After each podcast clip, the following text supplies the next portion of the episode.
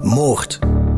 Het opzettelijk en met voorbedachte raden doden van een medemens.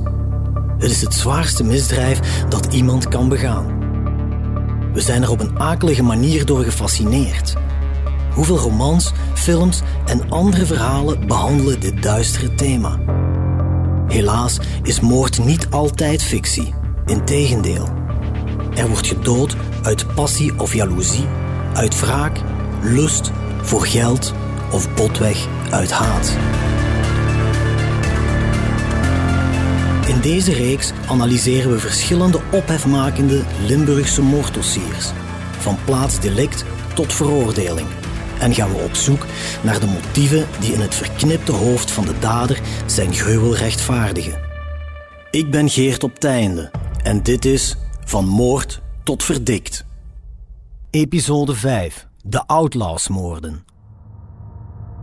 Vrijdagavond 20 mei 2011. Limburg heeft een mooie en warme lentedag achter de rug, wanneer omstreeks 20 voor 11 s'avonds een nachtvisser zijn vertrouwde plekje opzoekt aan de Zuid-Willemsvaart in IJsde-dorp, Maasmechelen. Hier gooit de man geregeld zijn lijnen uit, maar vanavond zal er iets heel anders dan vis op de droge worden gehaald. Wat de nachtvisser op dat moment nog niet ten volle beseft, is dat zijn telefoontje naar de hulpdiensten een carousel met verstrekkende gevolgen in gang zal zetten.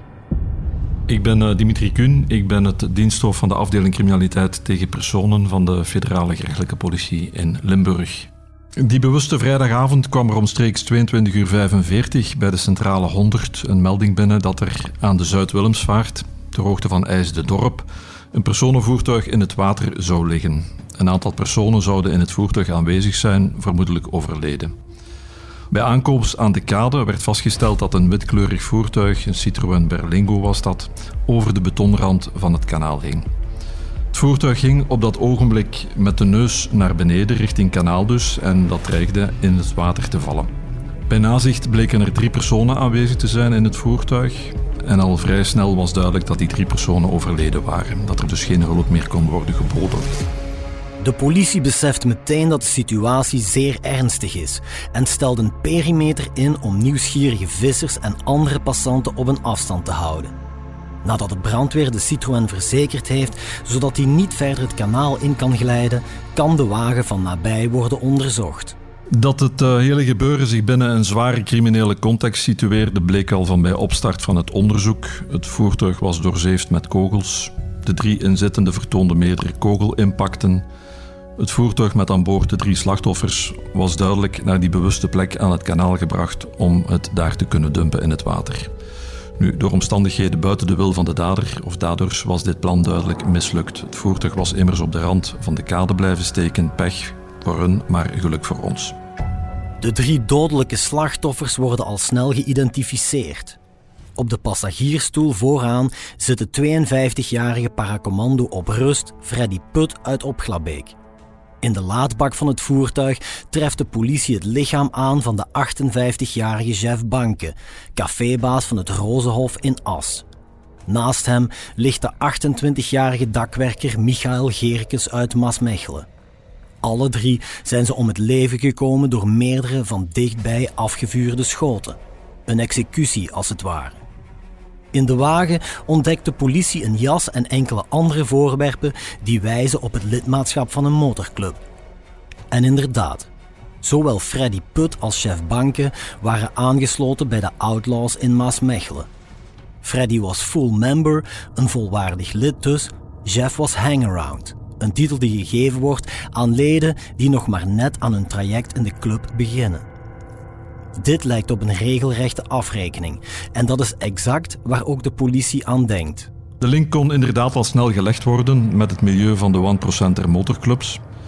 Van zodra dat twee van de drie slachtoffers op basis van de identiteitsdocumenten geïdentificeerd kon worden, uh, werd een link gelegd naar de 1%er motorclub Outlaws uit Maasmechelen. Dit waren dus de eerste richtinggevende puzzelstukken waarmee we vanuit de crisiscel aan de slag zijn gegaan en dat resulteerde in drie hypotheses. Ofwel een foutief gelopen criminele deal, ofwel rivaliteit intern outlaw middens ofwel een clash onderling rivaliserende motorclubs en dit laatste dan al dan niet grensoverschrijdend. Een dodelijke clash tussen rivaliserende one-percenter motorclubs is dus één van de hypothesen. Maar wat is dat precies, een one-percenter motorclub? Wel, de term one-percenter kent zijn oorsprong in 1947, wanneer er in Hollister, California, zware rellen uitbreken tijdens een bijeenkomst voor motorclubs. Ik ben uh, Cedric Stuik, parket Limburg, waar ik uh, het hoofd ben van de sectie georganiseerde misdaad en gemeenrechtelijke onderzoeken. De Hollister-rellen die zijn in 1947, waarbij dat dan eigenlijk op een bijeenkomst van alle motorrijders of motorclubs aller, in het hele land in, in Amerika bij elkaar kwamen en dat er dan zware rellen zijn geweest. En waarbij dat dan de, de Amerikaanse motorclub of motorvereniging, dan ook uh, de voorzitter daarvan, dan aanhaalde van kijk, 99% van onze leden, hè, van de, de motorclubs die bij hun zijn aangesloten, zijn eigenlijk law-abiding people. En dat betekent dus dat 1% dat niet is. En die 1% waren net diegenen die, die volgens dan de voorzitter van die, van die club, dan ook de, de clubs waren die, uh, die die rellen veroorzaakt hadden. En vanaf dat ogenblik ziet men dat men die, dat 1% als een, ja, als een waar goed gaat beschouwen voor de criminele motorbenders. En daar ligt ook het grote verschil tussen de gewone motorclubs en de criminele motorclubs. En men ziet dat ook wanneer dat er um, full members met een collars of een hesje rondrijden, dan ziet men daar de patch op staan van 1%. En dat betekent dat men niet law-abiding is. Dus dat men eigenlijk zich afzet tegen de normale samenleving. Motorclubs die de wet naast zich neerleggen en zich afzetten tegen onze maatschappij. En die elkaar dan ook nog eens naar het leven staan. Maar bij welke andere club moeten de speurders de rivaliteit met de outlaws dan gaan zoeken? Dat laatste wordt al snel duidelijk, want blijkbaar heeft diezelfde avond op het industrieterrein in Maasmechelen het openingsfeest van bandencentrale Burnout plaatsgevonden. En de uitbater staat hoog aangeschreven bij de Hells Angels. Net als de Outlaws een one-percenter club, legt specialist motorbendes Cedric Stuik uit. Als we kijken naar de, de logo's van beide clubs, um, dan zien die er, zeggen, vrij angstaanjagend uit met een doodskop en twee pistons uh, gekruist uh, bij de Outlaws. En anderzijds bij de Hells Angels, waar men dan een, van opzij bekeken een doodshoofd heeft met een helm, waarop dat een hele grote vleugel, uh, gouden wing, gezien wordt.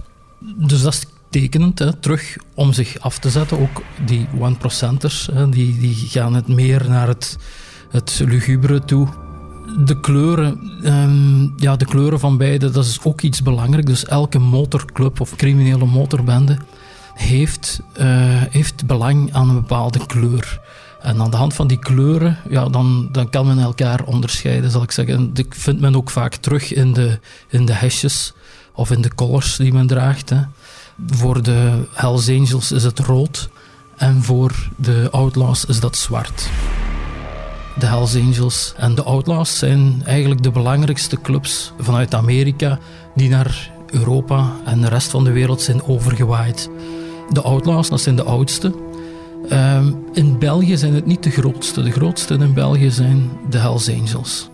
Maar wat wel geeft dat beide clubs traditieclubs zijn, hè, al zeer oud zijn en dan ook een lange geschiedenis hebben en vandaar ook de rivaliteit tussen beide die daaruit naar voren komt. Het is de diep gewortelde rivaliteit tussen Outlaws en Hells Angels die de speurders die vrijdagnacht dus naar de terreinen van bandencentrale Burnout leidt. Op de industrielaan in Maasmechelen, waarvan de uitbater een Hells Angels getrouwen is. Ter plaatse is het opvallend rustig. Het feestje is blijkbaar al lang afgelopen en alle 132 genodigden zijn naar huis. Een sporenonderzoek ter plaatse levert niets op. De duisternis steekt stokken in de wielen. Maar de volgende ochtend keren de speurders terug, vertelt Dimitri Kuhn van de federale gerechtelijke politie. Op zaterdagochtend, nu bij daglicht, werd opnieuw een nazicht uitgevoerd op het industrieterrein. En in de onmiddellijke buurt van de bandencentrale daar, op een T-kruispunt, werd de aanwezigheid van bloed, glas en hulzen vastgesteld.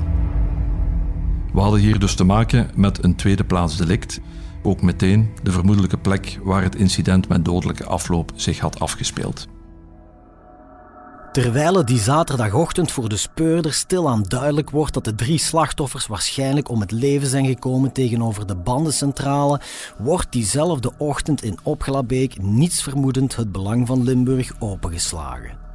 Ik ben uh, Magdalena Ramakers en ik ben de moeder van Freddy Put.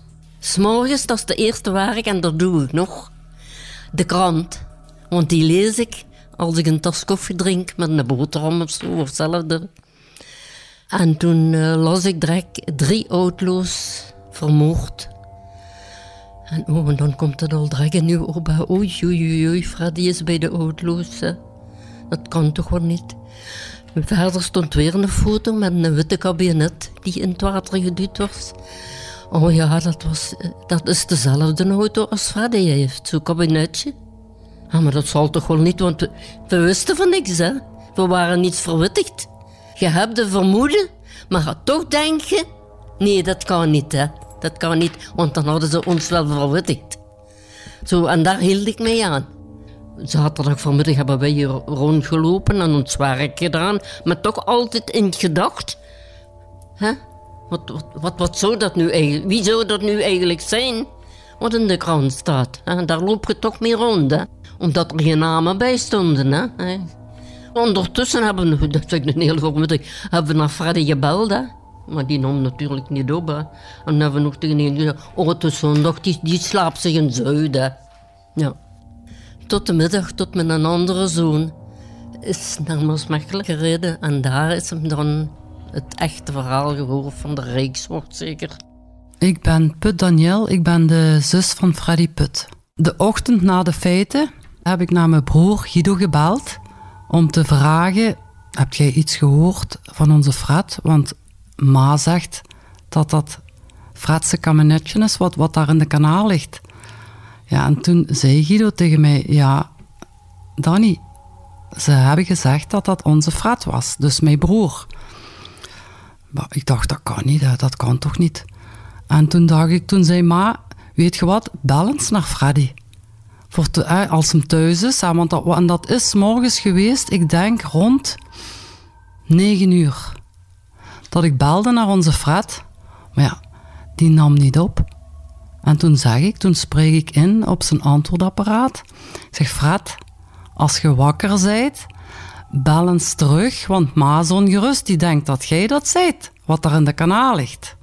Dus, hè, Fred, als je wakker zijt, bel eens naar hier. Toen heb ik neergelegd. Maar ja, ik was, je weet dat ook allemaal zo niet meer, want je bent zo zenuwachtig en zo onder de indruk van denk je, dat kan toch niet, dat kan toch niet waar zijn. Hè? Ja, onze Guy, mijn broer, die moest dan naar Maasmechelen gaan en wachten tot ze met zekerheid wisten dat het onze frat was, want ze moesten die passen hebben en, en ze moesten dat allemaal nakijken en kijken wie dat, dat juist was. Hè?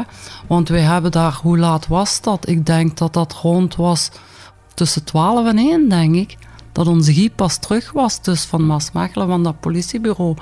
En toen wisten wij eigenlijk met zekerheid dat hij het was. De grootste vrees van de familie Put wordt werkelijkheid. Freddy slaapt niet uit die zaterdagochtend. Nee, de zoon van Magdalena en de broer van Daniel is overleden. En dat vreselijke nieuws slaat in als een bom. Ja, en dan was het uh, hek van de dam, dat was fataal. Dan zit je helemaal... Uh, ja, dat, dat, dat, dat, dat kun je eigenlijk niet uitleggen, want dat, dat, ja, dat is precies dat de wereld vergaat. Hè. Als, als, als je zoiets, als je denkt van, is, is dat toch... En, en ik vind de manier waarop dat hem... Als hem nu ziek was, dan weet je dat. Als hem verongelukt was, dat kan gebeuren. Hè? Maar nu op deze manier uh, vermoord, dat vond ik dat, vond, ja, dat is nog erger. Ja, en waarom? Dat was eigenlijk zinloos, want ja, waarom? En dat blijft u volgen uw leven lang. Iedere dag. Dat is zo. Ja, jong. Dan vergaat de wereld. En dat is nu tien jaar geleden. En nog kan ik er moeilijk over praten. De eerste maanden kon ik niet praten. Want als je iemand tegenkomt, kennis dus zo, dan, als je zoiets aan de hand hebt gehad, dan zeggen ze nogal gauw, hoe gaat het nu met u? Maar ik kon niet meer antwoorden, want dat was precies of ze mijn keel toesloten. En ik kreeg woord meer uit. Dat heb ik maanden aan de hand gehad. Ja, je ziet. Ik heb het weer moeilijk. Dat blijft u achtervolgen. Iedere dag denk ik eraan. Als ik slapen ga. En ik lig in bed en ik kan niet direct in slaap komen. Dan speelt zich een hele film af. Ik ben blij nu dat ik dat eens... Dat eens van is. Maar ik denk niet dat het weggaat. Ik ga dat meenemen. Zolang ze leeft. Magdalena's moederhart bloedt. Van de ene op de andere dag is ze haar jongste zoon kwijt. Koelbloedig geëxecuteerd. Nochtans was Freddy iemand die zeer goed wist hoe hij zich moest verdedigen. Angst, dat was iets wat hij niet kende, vertelt zijn moeder. Nee, Freddy was voor niemand bang. Dat was een echte para. Dat hebben ze hem daar geleerd.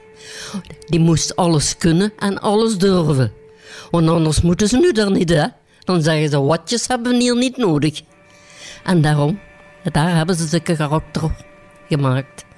Alles durven, voor niks bang. Freddy was een ruwe bolster met blanke put. Maar hij had een hart van goud. Ik kan het weten, hè. Ik heb hem grootgebracht. Dat hij altijd gereed stond als ik hem iets vroeg. Als hem vertrok hier. Maar is er iets, dan moet je bellen, hè. En tien minuten was die hier. Ik kon die vragen wat ik wou. Die uh, was altijd present. Ik vond hem een hele fijne zoon. Ik heb er geen spijt van dat ik zo'n zoon heb. En dat moet ik zeker zeggen. Die had respect voor oudere mensen en kinderen. Want als ze met een auto was en u zag oudere mensen aan de kant staan of kinderen, dan stopte hij, hè? Ja, ja. In 2009 neemt Freddy afscheid van zijn leven als para. Maar nu hij met pensioen is, verandert er plots iets. En daar spreekt zijn moeder hem over aan. Heb ik wel eens tegen hem gezegd, waarom, waarom zit jij altijd in zwart? Je moet een ander hem dan doen, hè? Iets lichter, hè? Ja, maar zei hem toen, eh, dan zal ik het u maar vertellen. En toen is dat uh, eruit gekomen. Ik heb mij aangesloten bij de oudloos. Ja, dan heb ik recht gezegd, jong, dat heb ik niet graag. Want je hebt zoveel kameraden. Meer moeten er dat niet zijn. En, en ook... Nee. Toen zei hij nog tegen mij... Heb je dan daar soms iets van gehoord? Van die, van die groep van die oudloos? Ik zeg absoluut niet. Want ik wist nog niet eens dat dat bestond. Wel, de ma zegt je moet niet ongerust zijn. Want er gebeurt niks. Maar twee maanden daarna gebeurde er wel iets. Dat naar een Maasmechelen, hè. Het is intussen eind mei en het onderzoek naar de drievoudige doodslag draait op volle toeren. Door onder meer telefonieonderzoek en DNA-analyse komen er al gauw enkele verdachten in beeld die zeker op de crime scene aanwezig moeten zijn geweest. Een van hen is Ali Ipechi, een garagist uit Genk die sinds ongeveer anderhalve maand deel uitmaakt van de Hells Angels. Niet veel later, op zaterdag 11 juni, komt er een doorbraak. Ipechi wordt samen met een ex-paracommando die ook lid is van de Genkse Hells Angels opgepakt en aangehouden op verdenking van doodslag. Een derde mogelijke verdachte wordt internationaal geseind. Hij geeft zichzelf later aan. Voor Dimitri Kuhn van de gerechtelijke politie passen de puzzelstukken in elkaar. Dit is wat er volgens zijn onderzoek die noodlottige vrijdagavond precies is gebeurd. Die bewuste vrijdag van 20 mei 2011 werden op het industrieterrein in Maasmechelen de genodigden ontvangen op het openingsfeest van de bandencentrale Burnout. In totaal werden door ons 132 personen geïdentificeerd die de bewuste avond van de feiten aanwezig moeten zijn geweest. De sfeer was op dat ogenblik ontspannen, gemoedelijk. De genodigden werden getrakteerd op hapjes, er was een barbecue, er was drank. En de bediening werd gedaan door getrouwen van de Hells Angels Genk. Wanneer het feestje in de bandencentrale rond 8 uur s'avonds begint, zitten Freddy Put en Michael Gerikes aan de toog van het Rozenhof in As, het café van Jeff Banke. De drie latere slachtoffers besluiten om een kijkje te gaan nemen in Maasmechelen. Want, zoals u weet, zijn Freddy en Jeff lid van motorclub Outlaws. En het feit dat iemand van de rivaliserende Hells Angels op hun territorium een bandencentrale opent, wordt allesbehalve op gejuich onthaald. In het café Rozenhof de As vertrokken diezelfde avond omstreeks 10 uur onze drie latere slachtoffers. Put, Banken en Gerikens. In het voertuig Citroën Berlingo, eigendom van Put. Eerder die middag had de president van de 1%er Outlaws, Stateline uit Maasmechelen, een sms-bericht verstuurd naar enkele leden van zijn motorclub. Opletten vanavond. Rood kan aanwezig zijn in Maasmechelen in de buurt industrieterrein. Een explosieve cocktail was dus in de maak. Via het centrum van Maasmechelen reed het drietal naar de industrielaan in Maasmechelen. Op basis van analyse van de bewakingsbeelden weten we dat de Citroën Berlingo tot drie maal toe aan de bandencentrale gepasseerd is. De laatste keer zijn ze blijven staan ter hoogte van de parking voor de firma Decofact, kijkend in de richting van de bandencentrale waar de receptie op dat moment doorging. Op straat waren kinderen van de genodigden van de receptie op dat moment aan het voetballen. De aanwezigheid van de Citroën daar is kennelijk opgemerkt geworden door de aanwezigen, waarna sommigen onder hen, waaronder Ipechi Ali en twee leden van de Hells Angels, besloten verhaal te gaan halen. Een van deze Hells Angels verplaatste zich op dat moment op loopkrukken. En dan loopt het plots compleet mis. Aan de Berlingo ontstaat een ruzie tussen beide partijen, die zeer snel hopeloos escaleert. Het is ter hoogte van de Citroën Berlingo tot een handgemeen gekomen. De Citroën werd ingesloten en er werd hierbij op de Citroën ingeklopt. Vanuit de Citroën werd vermoedelijk in paniek een schot afgevuurd, waarbij een lid van de Hells Angels geraakt werd in de schouder. Hierop werd door Ipechi Ali met zijn pistool teruggevuurd op de inzittende van de Citroën. Minstens 16 schoten zijn gelost, twee opeenvolgende golven met tussenpauze. De drie inzittenden werden hierbij allen dodelijk getroffen. Er ontstaat dan een paniekreactie op het feest, waarbij iedereen van de genodigden binnen de gebouwen van de bandencentrale wordt geleid. Aan de Citroën Berlingo wordt de in de schouder geraakte Hells Angel ondersteund en door aanwezigen ondergebracht en verzorgd in de keuken van de bandencentrale.